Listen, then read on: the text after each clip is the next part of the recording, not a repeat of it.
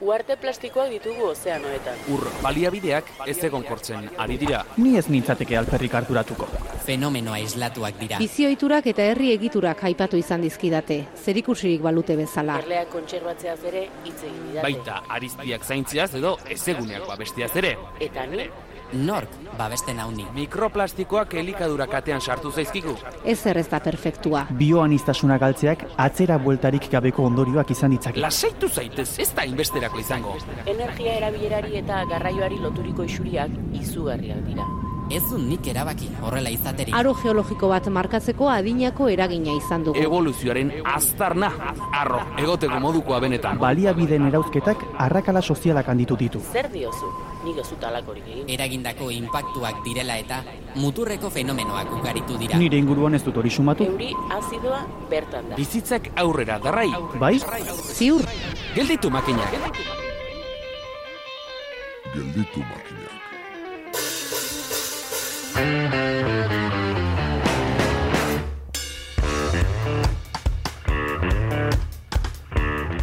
Garapena zer da aurrera egiteko baliabideak biltzea edo atzera egiteko gaitasuna erakustea. Inguru giroan ditugun inpaktuez hitz egiten dugu askotan, gizakiaren existentziak berak baitakar inpaktua, baina eztabaida konplexua da ekidin daitezkeen saiestezinak diren eta dena esate aldera zilegi ote diren inpaktuen gainekoa. Itzulera izango dugu saio honetan arlatz, batetik ibaien lehen eratzea hitz egingo baitugu, askoa ibisate EHUko ikerlari eta geologo adituarekin.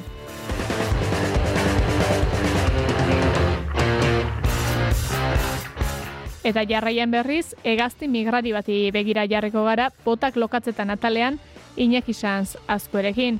Sorbeltzak joan, joaten dira, baina ez da horren segurua nola itzurilik mantentzen ote diegun.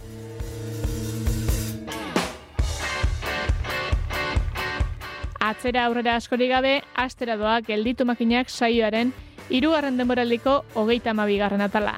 Eta esatea zilegi bada, hiru denboraldiak aintzat hartuta, hause dugu, eungarren atala. Astera goaz.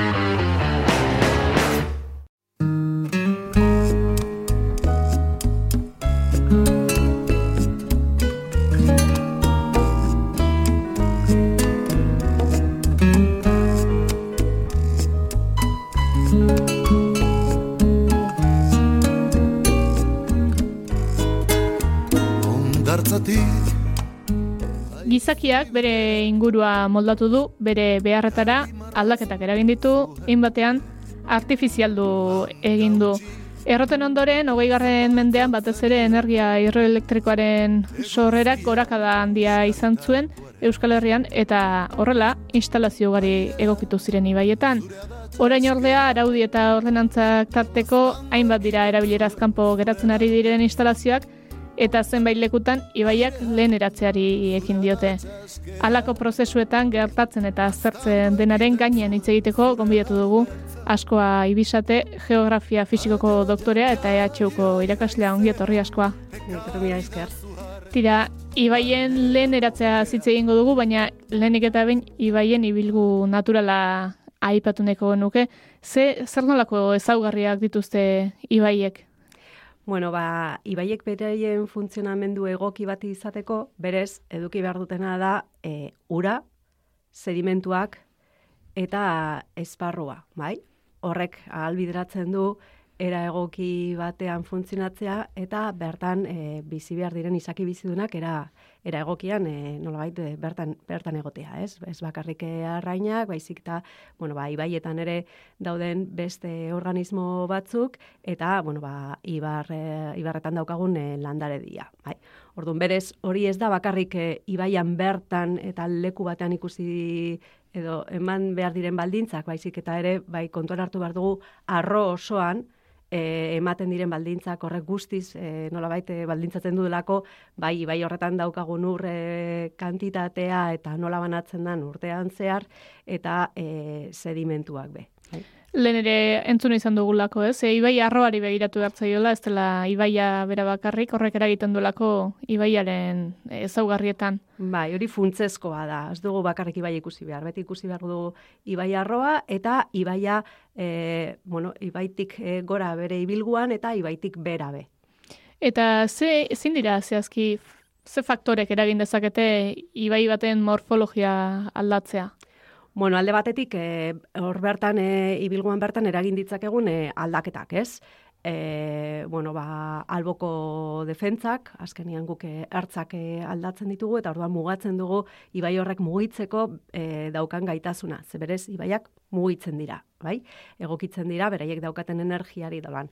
Bestalde batetik ere, ba, ibai lautadan e, ezartzen ditugun jarduerak artifizializatzen dugu, eta ibai lautadak ulertu behar duguna da, e, ibaiek sortutako e, eremua direla, bai? Berez horregaitik eh, ez dakit ez ibai lautadak edo golde lautadak eh, deitzen dira goldeetan, ba nolabait eh, sortutakoak edo edo moldatutako eh, esparru esparruiek. Ordun, hoiek goraldia daudenean, e, ibaiak egiten duena da, bueno, ba, bertan zabaldu, bere energia dizipatzeko eta gutxitzeko baita e, ur volumena eta eta haren ba, e, fluxuaren e, energia. Hori alde batetik, ez? Orduan mugatzen baldin badugu esparru hori, ba ibaia ja e, ezin izango du e, bere bueno, ba, energiaren dizipazio hori egin eta egingo duna da ur hori ba beraka joan areagotuz urberetara egon daitezken e, uholde uholde arriskuak e, ere, bai? Gainera, horre, uholdeak ematen direnean, edo goraldiak ematen direnean, eta uholde lauta da hoietan, ba, hori, sartzen denien ura, ba, ur hori gero infiltratu daiteke, eta gur ditugun akuiferoak ere elikatu daitezke, ez? Orduan, horrekin ere, mugatzen dugu e, elikadura prozesu, prozesu hori.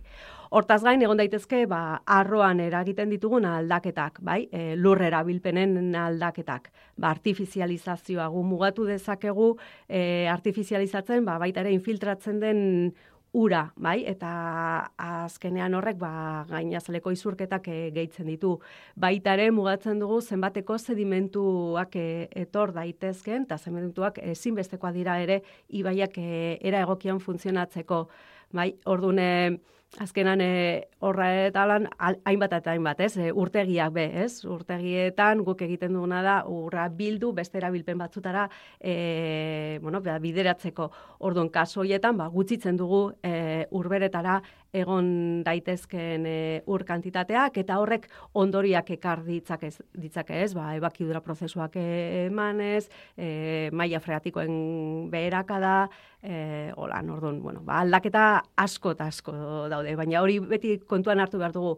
Arroan egiten dugun edo zer, bere eragina dauka, bere, bere ibai zarean, bai. Bai, arroan egindakoak agian gero ibaian ikusi daitezkela, bai. naiz eta bertati bertara ez izan. Bai.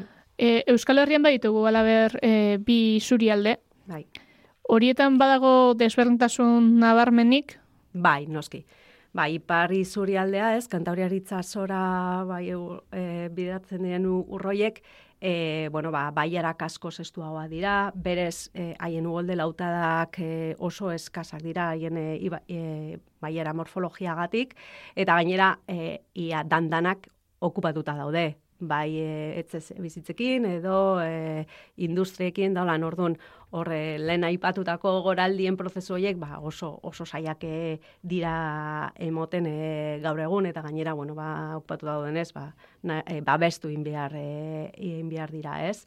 E, gainera ibai horiek energia asko daukate, ze oso distantzia txikian, ba, desnivel handia, bueno, ba, e, gainditu inbar dutelako, eta ordu horrek egiten duena da, gainera prezipitazio ugariagoak izan da, ba, bueno, ba, maten direnean prozesu horiek, ba, askoz bortitzagoak e, izatea, bai? E, aldiz, bueno, ba, e, egoaldeko isurialdea, mediterraniar e, itzazora doana, askoz energi gutxiagoko ibaiak dira, e, nola baiteko alboko mugikortasuna emoteko aukera gehiago, ugolde lauta da hundiagoak e, dituzte, baina horrek ez du esan nahi ez da ere, bueno, ba, beste presio modukorik ez daukatenik, ez? E, ez dago horren besteko okupaziorik, baina hor nekazaritzaren presioa ere e, egon, egon badago, ez? Eta, bueno, haien arteko ere, ba, gora berak ere egoten egoten dira, ez? Ensan dugun bezala, ibaietan eragin antropologiko bat badago, eta, bueno, batean zehazteagatik, baina hemen ari gara uolde lautoa eta beste, presa asko eraiki ditugu ibaietan zehar, horiek zer eragin dute morfologikoki ibai batean? Bueno, guk pentsatu behar duguna da, e, presa azkenean e, guk e, gure mm, sistema zirkulatoriora ematen baldin badugu, gorputzarena azkenean izango litzateke trombo bat bezala izatia, ez? Azkenean hor guk etentzen gu, gu guztiz e, ibaiaren e, jarraituz, jarraitasuna, ez?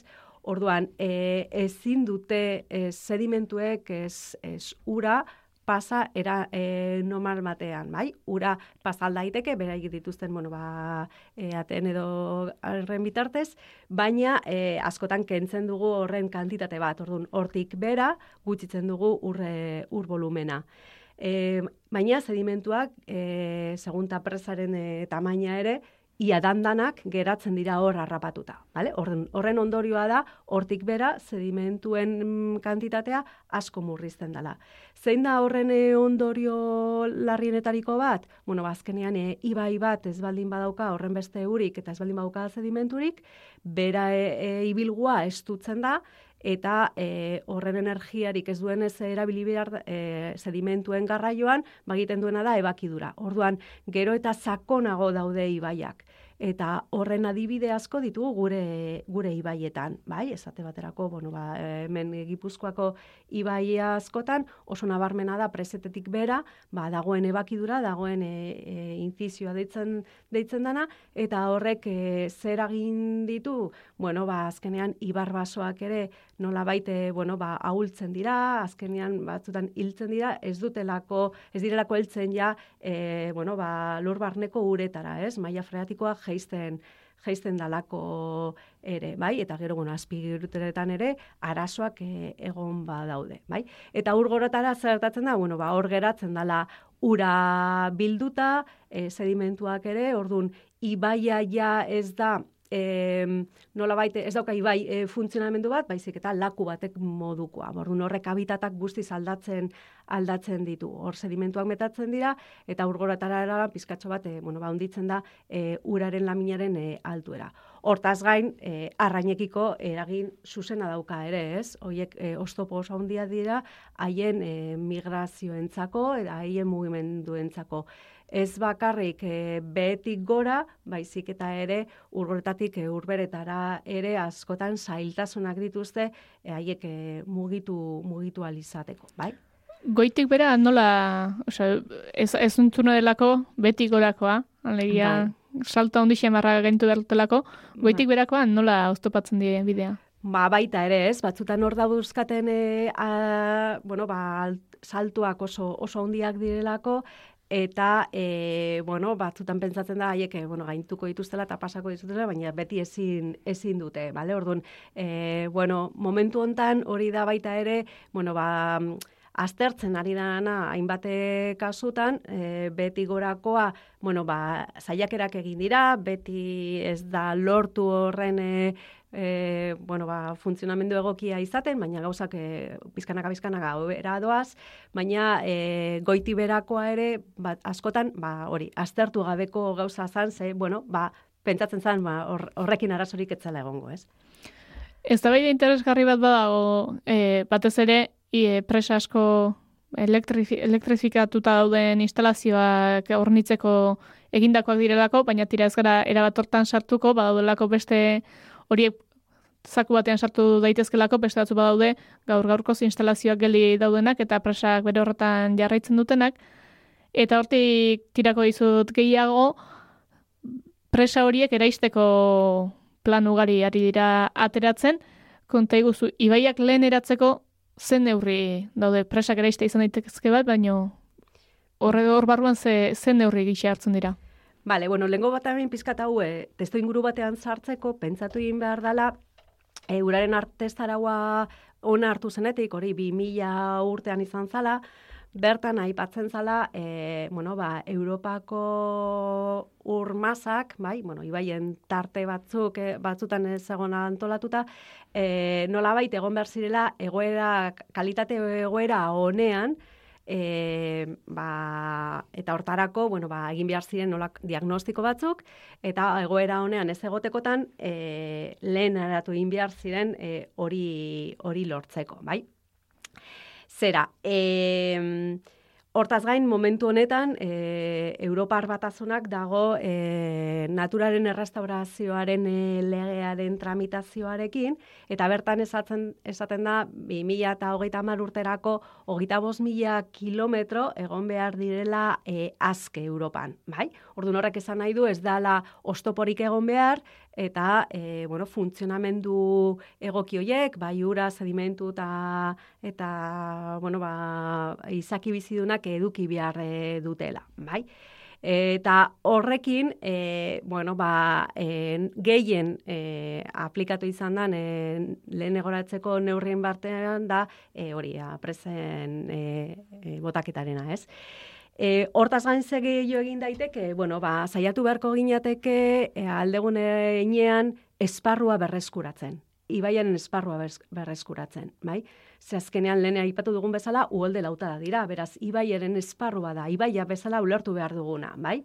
Beti ez da erraza izango, hainbat eta hainbat e, bueno, ba, jarduera ditugulako bertan kokatuta, baina badaude e, leku askotan e, aukerak, bai? E, nola bait hori berreskuratzeko, zorrek, e, bueno, ba, asko betzen du e, ibaiaren funtzionamendua, lehen aipatu bezala, eta baita, niretzako funtsezkoa dana da, e, orain, era natural batean dauk ditugu, nuoldeta dauta dauiek, ez okupatzea. Ze askotan hori da gertatzen dana, ez? E, askotan ez duzu, bueno, ba, e, nolabait berreskuratza ez da beti erraza izaten, baina bueno, olako proiektu oso esanguratsuak egin dira Nafarroan esate baterako, eta baina gehien bat zaiatu behar garana daukaguna mantentzen, eta hori ez galtzen ibaiaren funtzionamendurako. Bai, eta hortan ikustu dut, e, ez dakit izan behar garela oso, oso indartzu, ez? edo zaiatu behintzat hori, hori babesten, ez? Ibaiaren lehen eratzeko neurrietan edo akzioak proposatzeko horretan, ze irizpide jarraitu dira? Bueno, ba, e, lehen gota behin, e, bueno, lehen eratzeko segunta egiten dira diagnostikoa, lehen bezan bezala, ez? Uraren artestarauak, e, bueno, ba, eskatzen duena, e, ibaien e, karakterizazio bat, eta gero e, oien diagnostiko bat, hainbat e, elementuen eta oinarrituta, bai? E, alde batetik daude elementu fisiko-kimikoak, bale, buraren kalitatean batez be oinarritutakoak, beste alde batetik daude e, elementu biologikoak, eta beste alde batetik daude elementu hidromorfologikoa deitzen direnak. Eta hor daude urremariak, dago ibaiaren e, morfologia, eta hortan ere sartuta dago, naiz eta elementu biologiko bat izan, e, landare dia, ez? E, ibarre basoen landare dia. Eta orduan horrek horren balorazioak egiterakoan ikusten da ibaia nola dagoen, bai? Eta horren arabera, bueno, ba, e, uraren kudeaketaren arduradunek ba, proposatu inbar dituzte neurriak, gero planetan e, bueno, onartzen, onartzen direnak. Eta horren arabera, ba, zein den arazoa, ba, inbeharko litzateke ba, berreskuratu ezparrua, e, jarraituz, jarraitasuna, batzotan ere e, ibilguaren e, oea artifizializatu indalako eta saiatu behar da ba, naturalizatzen ba, e, albideratzeko ba, ibaitik e, lur uretara eta alderantziz ematen diren e, konektibitate vertikal horiek berreskuratzen berreskuratzen baita ere, bai? Eta gero, bueno, ba, espezie bakoitzaren inguruan, bueno, ba, berreskurapenak edo landare di batzutan ere inbaditzaileak e, ditugu, ez? Ba, saiatu behar gara, alik eta, bueno, ba, gure landare di autoktono hori berreskuratzen, edo baita espezie, bueno, arrainik esate baterako, ez? Jarraipena egiterako orduan, eta ere desplantako jarraipenak egiterako orduan, zein dira, ez da indikatzaile nagusienak, edo nola egiten da jarraipen hori?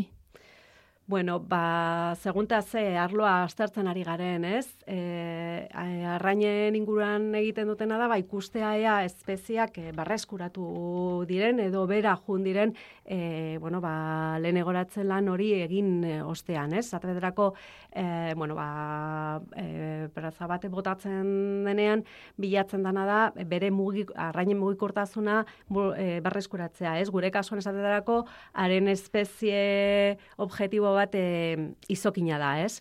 Eta ea lortzen dugun, ba, Atlantikoko izokina, e, bueno, bere populazioa ondo, ondo berreskuratzea. Eta hortarako migratu behar dute, hortarako ibaietara sartu behar dira. Baina horren beste presa dauden, daude ez, ez, ez direla gai, eta askotan ere hor dauden eskalak, naiz eta e, hori, ba, migrazioa egiteko e, azpiegiturak izan, ba, askotan, ba, rainek ezin dute, ezin dute, e, bueno, diseinatuta dauden eran ezin dutelako igo da. Orduan, hori da, esate baterako bat, ez? Eta orduan egiten dute arrantza elektrikoa deitzen dana, eta, bueno, ba, haiek ikusten dituzte, bueno, ba, ea, ze espezia aurkitzen dituzte, e, zenbateko kopuruan dauden da holan.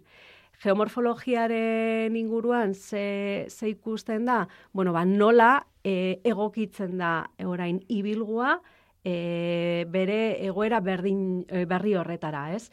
Guk presa bate daukagunean, e, bere oinarri maila presa da, orduan ur, urgoretatik, e, oza, presatik e, urgorotara e, daukaguna da aldaparen e, aldaketa bat, ez?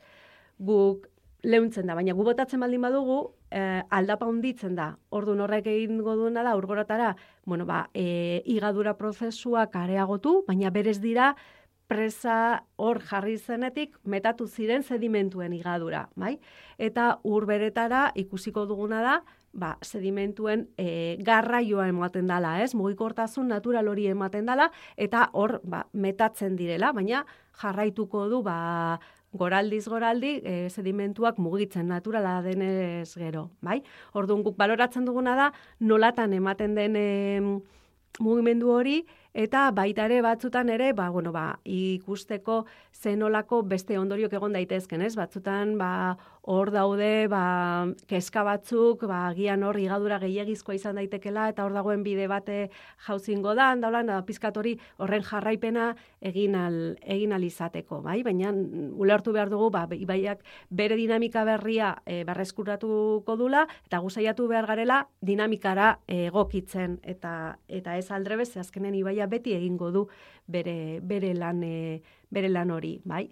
Ordu hori da, pizkatxo bat, e, bueno, gure lanetan e, egin izan duguna, eta baita ere pizka bat ere, e, ze askotan beldurrak daude, ba, bueno, ba, gauza berria direlako, eta, eta bueno, ba, ez dakite zein izango diren ondorioak, eta bueno, on, jarraipen honekin egiten duguna da ikasi be, ez? Ikasi eta zan, bueno, ba, begira, urrengotan, holan egin beharko litzateke, ondorio hauek ez egoteko, edo agian, e, bueno, ba, gauzak ez dira horren e, kezkagarriak, eta hola, bai? Aipatu duzu, behin presa kendutakoan, nola goiko partean, e, presatik orantz sedimentu gehiago pilatu direla, eta orduan, ade, bueno, ur maila aldaketa bat gertatzen dela, eta hor, epelu zera begira hori egonkortzen da, baina ipatu duzu hasiran ez kezkak izan ohi direla, ba horrek eragin dezaken e, ur, lur mugiketa erako eta lur mugiketa horiek esanguratsuak izaten dira, edo ze epeta zari gara hitz egiten, presa botata segituan mugitu dira, e, urte batzutako prozesua izan ohi da, irudikatzeko pixka bat? Ba, gehien bat, mugimendu handienak presa bota bai, eta segituan ematen dira. Vale? Hor da, ematen da mugimendu handi handiena.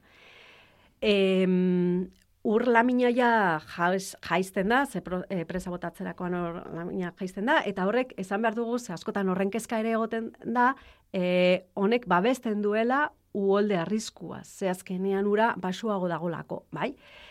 E, gero, e, egiten dena da, bere ala ibilgua, oza, da, bere sediment, metatutako sedimentu erretan ibilgua ezartzen da, eta azten da, bere ebakidera naturalaren prozesua.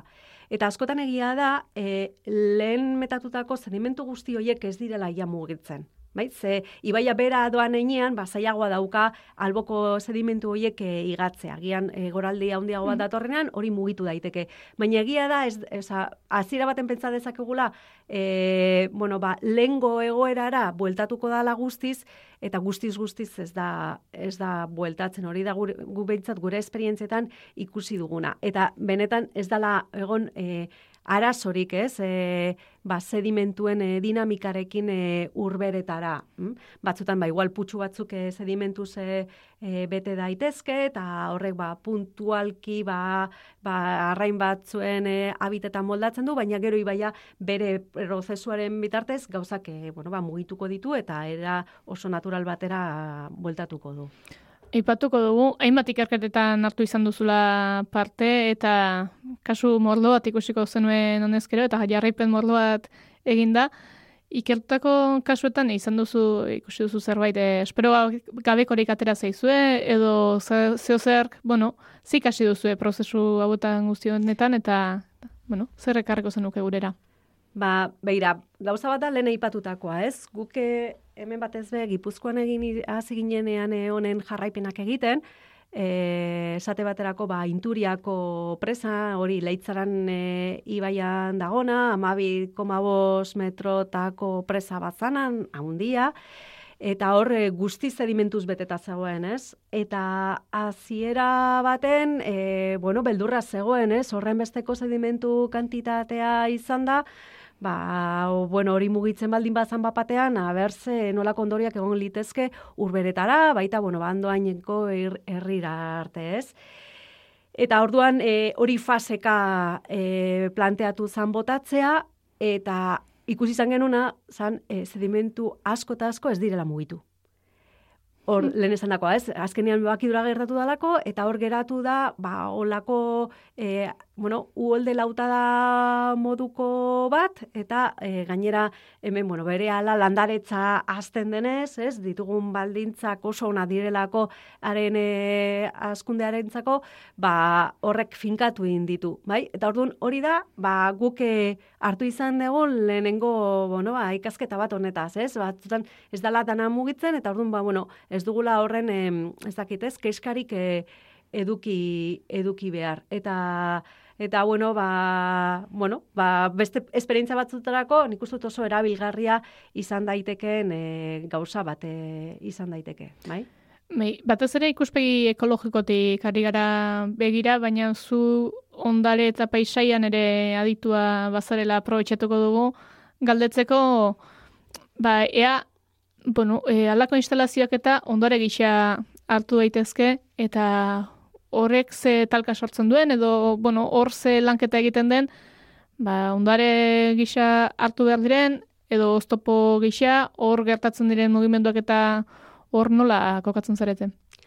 Bueno, hori beti komplexua da, ez? Komplexua da, e, bueno, printzipioz, e, olako e, lanak aurrera ematen direnean, e, bueno, ba, kulturako a, teknikariekin e, jartzen dira arduenek kontaktuan eta hortan bueno badaukate haiek ba beraien e, txostenak egiteko egiteko aukera eta ordun e, bueno ba segunta ondare kalifikazioa zen aloakoa dan bueno, ba, saiatzen dira ikusten, bueno, ba, bueno, ba, horre lentasun batzuk egon daitezke, baita ere alde batetik eta bestetik. E, hemen egiten dena da, e, behintzat, e, prezen alboko sati batzuk mantendu, nola baita horre egon daitezke testigu gisa, ez? Etorkizunako, ba, esateko, bueno, bueno, hemen egon zan e, estruktura, estruktura bat, mm. ez? Baina, kontuen hartu behar dugu, olako asko eta asko ditugula, hor baita ere, maiaka daude, haien balio e, historiko, arkeologiko eta kulturaren arabera, baina e, pentsain behar dugu ere, bueno, ba, ibaien naturaltasuna ere ondare badala, bai? Ondare natural hori ere ba, berreskuratu in behar dala, e, berez, bere funtzionamendua, e, bueno, ba, alik eta, eta egokiena e, izan dadien, ez? Baina, bueno, hau beti el, gauza bai, konfliktu. Bai, bai, bai, bai, bai, bai. Zaten da, eta, bueno, gero jendea ere, bueno, ba, atzikimendu bat dauka, ba, eta baraiek betidanik bezala ezagutu izan dituzten, ba, azpigitura hoiekiko, baina egia da askotan, ba, guztiz abandonatuta daudela eta eta bueno eta e, batzutan ere arrisku bat e, direla berez e, horre izatea exigitzen duena da e, mantenimendua egin behar dela estruktura hori eta bueno, horrek ere kosto bat dauka eta hor baloratu behar da benetan bueno, ba, zein den haien balioa beste hainbat e, elementu kulturalekin egiten den bezala beste lekuetan, ez? Ez bakarrik ibaietan. Gainera, mantenimendu hori noren gainera hartzen da? Uraren, eipatuko dugu, ibaien ardura, ura agentzia daukala e, ere momentan behintzat, baina presen kudeaketa eta presen mantenimendu lana ez dator agentzia horren esku. Da jabearen e, ardura.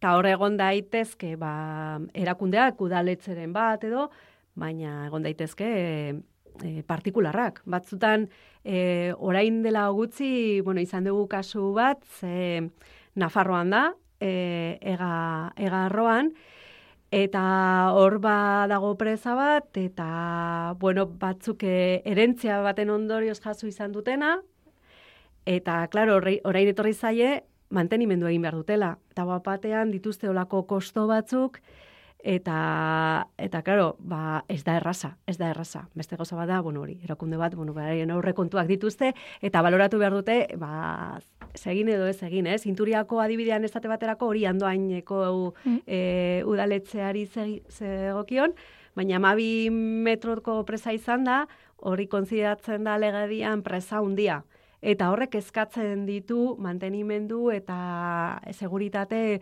protokolo handiagoak. Eta haiek be ez zeuden pres hori horrekin jarraitzeko ikusita e, erabilpenik ez zeukala. Eta legediak esaten du e, olako presa bat e, nolabait ja erabilpen gabe geratzen baldin bada, kontzesio gabe geratzen baldin bada, bueltatu behar duzula ibaira jatorriko egorara. Hori da legediak izaten duna eta hortara behartuta gaude danak, osea jabeakaren e, einean e, kasu horretan, ez? Edo direnak, hobeto da. Baina ordun claro, e, hori da pentsatzen behar duguna, ez? Batzutan esaten dugu, bueno, ba hori ondare bada, baina noiztik dago hori, ez? Batzutan igual dira, lehen aipatu duzun bezala, 20. mendeko estruktura batzuk Eta, bueno, ba, baloratu inbiar da, benetan, azkenean, ze, zein da, azkenean ondare baliotzuena, edo benetan, bueno, ba, gero horrek daukan ere, mantenimendu lan horiek ere. Baloratu esan duzu, eta horre badago lena e, bazterrutzi dugu, baina balio energetikoa ere izan dezakete, e, presak aipatuko dugu, ura pilatzeko erabiltzen direla, baina gero kanalizazio baten bidez, zentral hidroelektrikoetan energia sortzeko ere, energia elektrikoa sortzeko balio dutela. Eta hor, bueno, ibaiko sistemetan duten eragina eta ibaietatik alik eta oztopo gehien kentze hori, bueno, ulertu daiteke edo gaur gaurkoz, bai e, talka bezala ikusten da, energia sorkuntzarekin ez, eta, bueno, ez da bai da sortu da, instalazio horiek potentzialen energetiko bat badutelako hor egiten da kasu horretan azterketarik, e, zein, da, e, zein den, ba, ez dakit, zein instalazio izan daitezkeen estrategikoak, zein e, obesten den eraistea, hor nolako azterketak egiten dira? Bueno, eraiste proposatzen diren presa dira, ba, erabilpenik ez daukatenak. Orduan hor, ja, baloratuta dago, e, bai jabearen aldetik, e, bueno, ez dago la e, aktivitate horrekin jarraituko. Beraz, horrez legoke hori. Baina baita ere ulertu behar dugu eta hau, bueno, ba, orain kolokan dagoen gai bada, ez? E, energi berriztagarrien e, inguruko potentziazio honen atzean, ba, batzutan baloratu indala, berriro energia hidroelektriko ea, ba, bat izan daitekela, ez? Baina pentsain behar dugu, zenbat eta zenbat presa ditugu gure ibaietan. Zein puntura arte, e, mostu ditugu, ez? E, ibai hoiek eta gure arroko adibideak oso sanguratzua dira. Gure ibaietan e, paseotxo bat ematen baldin badugu, ba, metretik metotara leku askotan presa berri bat daukagu, ez?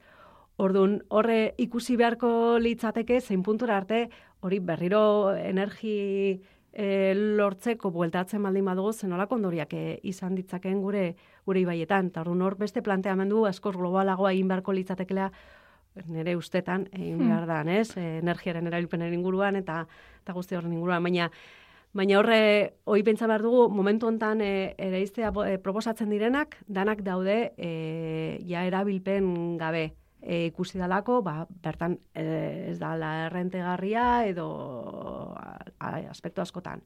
Gatik, ez? Baita bentzat behar dugu aldaketa klimatikorekin, ba, zein izango dan e, urre marien e, bilakaera eta eta ondo ondo baloratu beharko la, litzateken e, gauza. Horik ezkaitu horretzat duzu? Urre, urre marien bilakaera ba, aldaketa klimatikoarekin?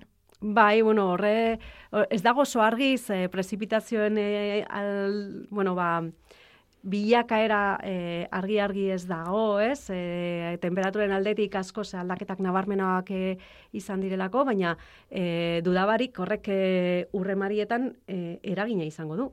Eta gure ibaiak, gero eta mediterranear kutxo handiagoa izango dutela eh, aipatzen da. Azkenean, oza, ur gutxiago, eta bueno, por, e, goraldi bortitzagoak edo aldez alde, norabaiteko e, variabilitate gehiago izango dutela, ez? Bueno, ba, ikusiko dugu ibaiek ze bilakaera izaten duten, beraz agian lehen eratzea beste nola bai deitu beharko diogu, ez dalako lehengo egoera berera itzuliko. Bueno, hori peti pentsatu behar dugu, ez? Lehen eratzea, lehen eratzea, e, ze gaude lehen eratzen, ez? Hori askotan ere e, guk e, planteatu dugu e, gogo eta bat izan da, ez? Ze batzutan gure irudia izan daiteke hogei garren mendeko erdiko irudi bat, edo emeretzi garren mendeko irudi bat, baina pentsain behar dugu arroak aldatu direla. Orduan, ez direla era berdinean funtzionatzen ari momentu hortan. Eta, baina, bueno, nik uste egin behar duguna da, alik eta presio, presio eta artifizializazioak e, gutxitu, eta e, ibaiak saiatu era naturalean e, funtzionatzen eta horra egokitzen egokitzea, ez? Baina nik uste hori dela gure gure helburua. Ez e, ez dakiz zein momentuko irudi bat berreskuratzea, ze hori oso saia da, e, ja arroa aldatuta baldin badago, ba guztiz ez dugulako berreskuratuko, baina baina behintzat lortzen baldin badugu funtzionamendu naturalago bat, ba, nik uste hortan asko irabazten dugula danok, ez? E, natura hobeto baldin badago, ba, guk, e, guk ere, osasunan aldetik ere, hobeto, hobera jungo garelako be, bai? Bueno, ba, eskerrek asko, asko aibizate gurean izateagatik, aipatuko dugu, geografia fizikoko doktorea eta EHUko irakaslea zarela, eta esandakoarekin geratuko gara, eta azpimarratuko dugu berriz ere, Ibaia baino Ibai arroari begiratu beharko diogula, baina bueno, Ibaien ibilgoa ere aztertzeko modukoa dela. Bai, mi esker ba, zuri. Gelditu makinak, naiz irratian, Eli Pagorarekin.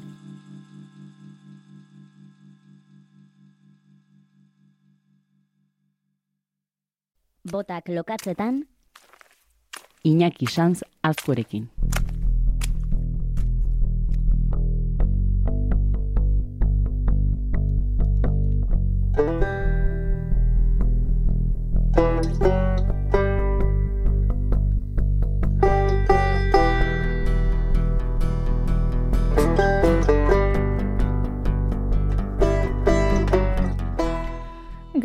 Alde dator gure kauboia, pauso erlaxatu dantzari dakar eta txistu joko dabil. Girok ere, lagunduko du agian. Ongi etorri, Iñaki. Eixo, Eli. Tira, Iñaki izan zazkue, ala alda, erlaxatuta altzatoz. Nahiko nuke. Baina, bueno, bai, noiz benkartzeitu gut arteak batez ere goizidan leio, leio aldera atera eta eta, bueno, bertan kantuan dabiltzan txori batzu bentzuteko. Hori da. Eta momentu izaten da, erlaixatzeko momentua. Hori da, zezu agian entzatoz txisto jokoa, baina beste batzuk badabiltza, eta hori bera entzunara ziko dizut. Ea, isili-isili jarreko gara, eta ea zarrantzuten dugun hemen.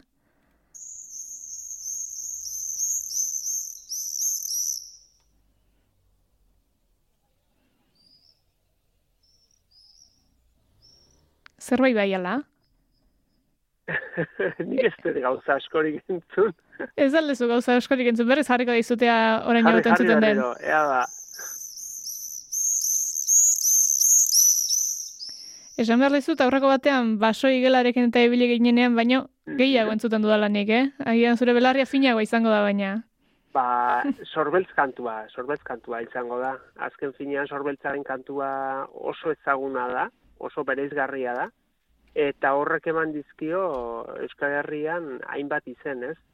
E, horra egiten du olako zalaparta, hola errri, antzeko bat egiten du, eta batzuk esaten dute krri egiten dula, eta orduan kirrilua ditzen diote, beste batzuk irrilua ditzen diote, irri egiten omen du, e, sorbeltza, e, badaude ataka, atakia, Euskal Herri mailan izen pila hartu ditut horietako asko dudarik gabe bere kantuagatik dira. Hmm. Hori galdetu behar nahizun, izen asko dituela, eta horrexegatik nabarmena delako edo zerratik ditu bain beste izen? Bai, alde batetik bere kantua oso nabarmena da. En, bueno, esan dudan bezala nahiko bullo josoak dira, eta gero e, herri eta hiri inguruetan asko ibili dira. Orduan horrek egin duna da gizakiarekin kontaktu asko izan du, kontaktu visuala eta kasu honetan entzumenarekin ere oso oso nabarmena dira. Eta gero ba migratzailean ez, ba migrazioan zehar en, bueno, ba, etortzen dira eta horrek ere harreta ditzen du, ez? Niretako esate baterako sorbeltzen kantu soinua entzutea, ba, kantu entzutea bada udaberria aurrea doanan eta uda datorrenaren seinale ez. Hmm. Eta nik uste jende askok ere erreferentzia moduan hartu dula. Kukua etortzen da, pasa, bain urte osoa da maiti gorla, eta zozoa pasazian, kukua etortzen da, eta horren sorbeltzak ditugu hemen nagusi zeruan, ez? Bai, zuri irakorretako da Santa Cruzetan etorri eta Santa Cruzetan joan egiten dela. Zer pasatzen du urte bete? hori hori bera esan zidaten basarri batean Santa Cruzetan etorri eta Santa Cruzetan joten du. Eta onartu behar momentu hortan ez ez zerrez ulertu esaten ez da posible hori hau migratzailea da eta eta hori ez da posible. Galdetu nion arte Santa Cruz egunak noizian edo noizan eta santzian bi Santa Cruz diala. Bata maiatzaen irua, eta onartu behar bete-betean asmatzen dutela, ze beti inguru horretan etortzen dira sorbeltzak, eta bestea idaia hasian omen dago beste Santa Cruz da hortzegon esaldiaren trampa edo.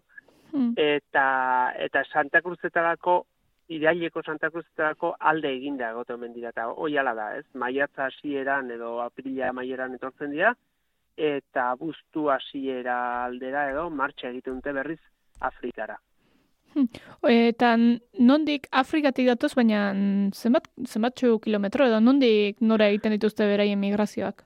Begira, ikerketa bat badago egina Madrileko populazio bati jarraipen egin zioten eta aipatzen zuten 5000 bat kilometro egiten zituztela urtero e, migrazio bakarrean, eh? Alegia e, Madriletik Afrikara e, eta 5000 kilometro inguru edo. Orduan, bueno, hori da kalkulatzen dena, ikaragarria da, tamaina horretako egazti batek horrelako migrazio bat egitea, urtero urtero, maiatzean etorriko lidakete kumatzera Euskal Herrira, eta, bueno, Europa ingurura, leku epeletara, eta, eta gero negu aldean, ba, hemen gogotzak aztu, eta eta Afrikan pasa nahi dutenez, ba, abuztu amaieran edo ja martxa egiten dute. Mm. Orduan esango genuke gurera kumatzera etortzen diala sorbeltzak horregatikan ikusiko ditugu hainbat herritan ba, ba zeruan e, ola, enaren tankerako egazti beltz batzuk, hortik ere sorbeltza itzena, uste dugu ez, txorbeltza, txoribeltza ere deitzen zaila olako, hmm. eta, eta maiz ikusiko ditugu e, badutelako egaldi oso azkarra, bueltak ebiltzen dira, txirrioka esan dugun bezala, eta gero teliatu azpietan sartzen dira. Eta teliatu azpioetako zirrekituetan aurkitze dute ba, abia egiteko lekua, eta guztaila inguruan ja taldekatu egiten dira, kumeekin eta guzti, egan egiten deak usteko izan ere, egan egitea oso oso garrantzitsua da sorbeltzen zat. Bai, ze egan egiten omen dute bere aktivitate oso ala, egan daudela elikatzen omen dira, e... Hori da, sorbeltzek eh, hankak atrofiatuak edo dituzte, hankak ez dituzte ondo garatuak, eh, egiten dutena da, egan egiten doa zela, bai eh, elikatu, bai ugaldu eta lo ere askotan egiten dutena da egandoa zela. Orduan ba pentsa beraien bizitzaren zati handi bat portzentai euneko handi bat ba zeruan pasatzen dute, Hori, eta... zain xemarra da sinisteko, eh? egan da lo egiten dutenik ere. ba, sinistu beharko duzu ez, ze ikerketek gala esaten dute, eta beste remediorik ez dago. Ba, bai, aipatzen dute, ba, badutela burmuina garatuta, en, bueno, egandoa zela egiteko horrelako e, loaldi antzekoak egite dituztela, eta batez ere ba, alturan igotzen dira, eta eta askotan ikusten dira, ez gaualdera zirkuak eginez, e, eremu batzuetan sorbeltza asko pilatzen dirala. Hmm. Eta ipatu duzu, e, telatu paretan eta ikusiko ditugula batez ere, zer nolako txokoak bilatzen dituzte abiak egiteko, doze pareta zulo izaten dituzte gustokoan? Bai, e, pentsatu behar duguna, askotan sarri izaten duguna buruan, enaren abioiek, e, abioiek egitetugu buruan, ez dira e, bustinarekin eta beste bat materialekin e, telatupeko horretan egindako kabi antzekoak. Sorbeltzarenak ez berdina dira, sorbeltzek zirrikituak behar dituzte. Ba, telatu azpietan edo eraikuntzetako hormetan dauden zirrikituak, ez? Hor sartzen dira eta zirrikitu horien barrualdean egiten dute abia. Eh? Orduan ez ditugu abiak ikusten barrualdean egoten dira.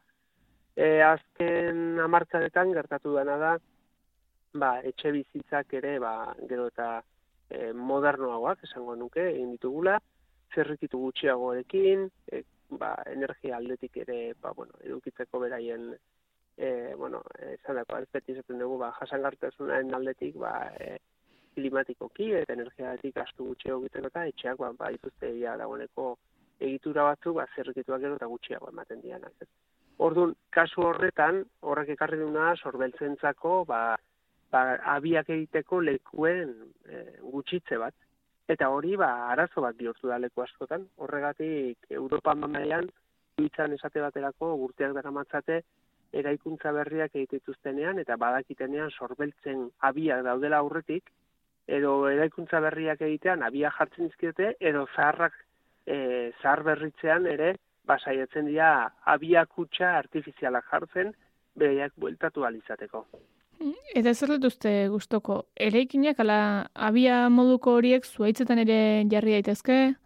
Ez, ez eraikinetan egiten dute batez ere. E, eraikina dituzte gustuko eta horregatik topatuko ditugu beti ba, alde inguruetan edo eta e, etxe zarrak dauden ere moetan askotan topatu, topatzen ditugu. Eh?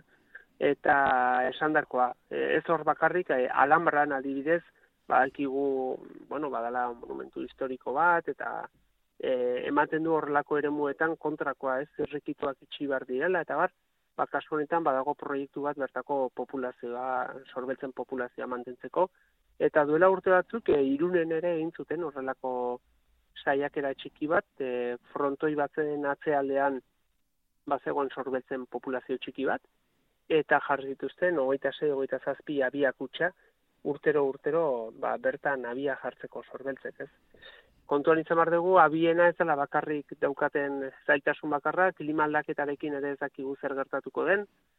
Garbi dagona da, bueno, e, azken urtean badirudi baienarekin gertatzen den bezala sorbeltzekin ere ba, ba, mm, gutxiago iristen dira Euskal Herri ingurura, eta horra atzean arrazoi asko egon daitezke, baina bueno, aipatutakoa, eh? arkitektura eta abien kontua ere ba, puntu garrantzitsua da gaur egun. Bai, beste faktore bat izango dela euren, bueno, zailtasunen parte izango izateko. Hori da.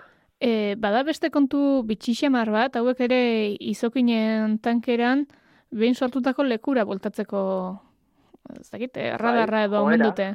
Hori da, hori da esaten, aipatzen da, ba, behin jaiotako lekuan bertan, e, horrela bueltatzeko joera dutela dela ugaltzera, ez? Eta e, bikotek ere hala egite omente. Orduan pentsatu behar duguna da gure etxeko teliatupean sartzen den sorbeltz hori, ba, urtero urtero bueltatzen dena dela normalean, ez? Orduan ba bueno, kasualitatea da, baina gure etxean adibidez, ba, ba baditugu sorbetzak. Eta guretzako luxu bada eta saiatzen gara bentsat bizilagunei ere horrela ulertarazten, era uste lortu degula, ez, e, maiatza inguruan zai izaten gara, ber, e, noiz etortzen diren sorbeltza hauek, festa bat da, iristen denean, egoten den zalaparta, eta bai goizeko edo eguneko aurreneko ordu horietan. Eta gaualdera, ba, egunean zehar kanpoan izaten dira, bai elikatzen, eta barra asko elikatzen, behar izaten dutelako, aktivitate handia dutelako, baino goizaldean eta gaualdean espektakulua zoragarria izaten da, etxe inguruan ibiltzen dira kantuan, bueltaka, eta, bueno, egia esan, e, joku asko ematen du ere, ba, migrazioa buruz hitz egiteko, biodibertsitatei buruz hitz egiteko, edo eta zergaitik ez e, arkitektura eta e, irien, irietako biodibertsitatei buruz hitz egiteko. Ba, Iñaki, eskarrek asko gure erakartzeagatik sorbeltzak, eurak etorri ordurako, eta adi jarriteko dugu, ea gure kaskoetako orma zarretan eta ea biadirik ikusten dugun. Et, hori da, eta erronka txiki bat, hemendik aurrera, sorbeltzaren kantua entzun, dez, entzun ezazue, eta buruan sartu, eta kontudatuko zate, zen bat pelikulatan jartzen duten sorbeltzaren kantua e, fondoan. Eta bai? harrituta gaituko zate, bai. eta sorbeltzak direlakoan, ala beleak direlakoan agian? Nik uste, dala udadaren, udako soinua edo guraldi honarekin lotutako soinu ezela jartzen dute, sarri. Bueno, ba, eta... pelikulak ikusten hasiko gara, inaki. Hoi da, eta puntatu. Osondo. Ba, eskerrik asko. Bueno, eskerrik asko zuei, besarkada bat. Gelditu makinak.